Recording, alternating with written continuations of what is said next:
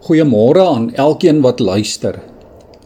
God word 'n mens in hierdie wêreld van ons. Hy kom aarde toe ter wille van mense soos jy en ek.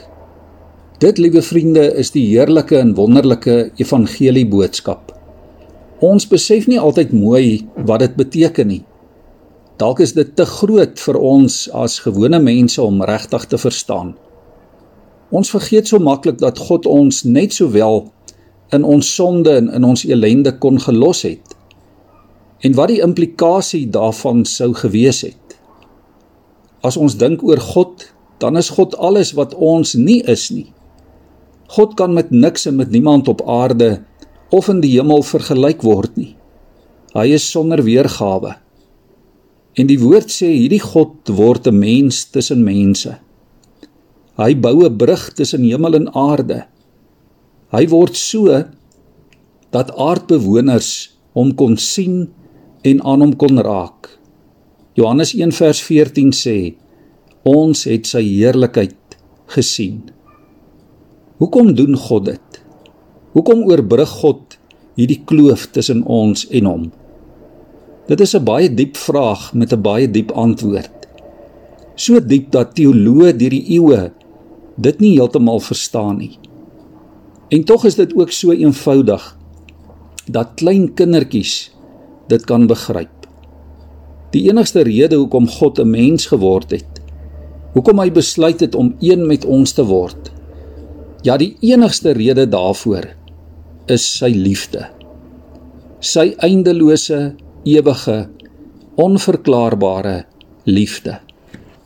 Liewe vriende, hy het ons nie alleen gelos nie juis omdat hy ons liefhet. Sjoe, ons wêreld is darem maar deurmekaar. Gister ry ek op verskillende roetes deur die Wesrand. En ek sê vir myself, ons land en ons wêreld is in chaos. Ons aarde is met rommel en vullis bestrooi. Ons paaie is doodsakkers vol diep slaggate. Oral bedel en roof en beklei en smag mense na uitkoms. Ons nuusberigte verkondig die skrif is aan die muur. 38% werkloosheid in 'n bevolking waarvan 20% jonger is as 16 jaar. En die vierde vlaag COVID-infeksie skiet die hoogte in. Hoekom kom God na hierdie wêreld toe omdat hy mense liefhet. Net sy genade is in hierdie wêreld verniet. Ja, hy gee die vrye gawe, die geskenk van sy seun om mense soos ons van die mag van sonde te verlos. Ek bid in hierdie tyd dat ons land en ons wêreld verlos word van die greep van elende en doodsheid en COVID-19. Maar ek bid nog meer dat mense die geskenk van God se vrye genade in Christus sal aanvaar.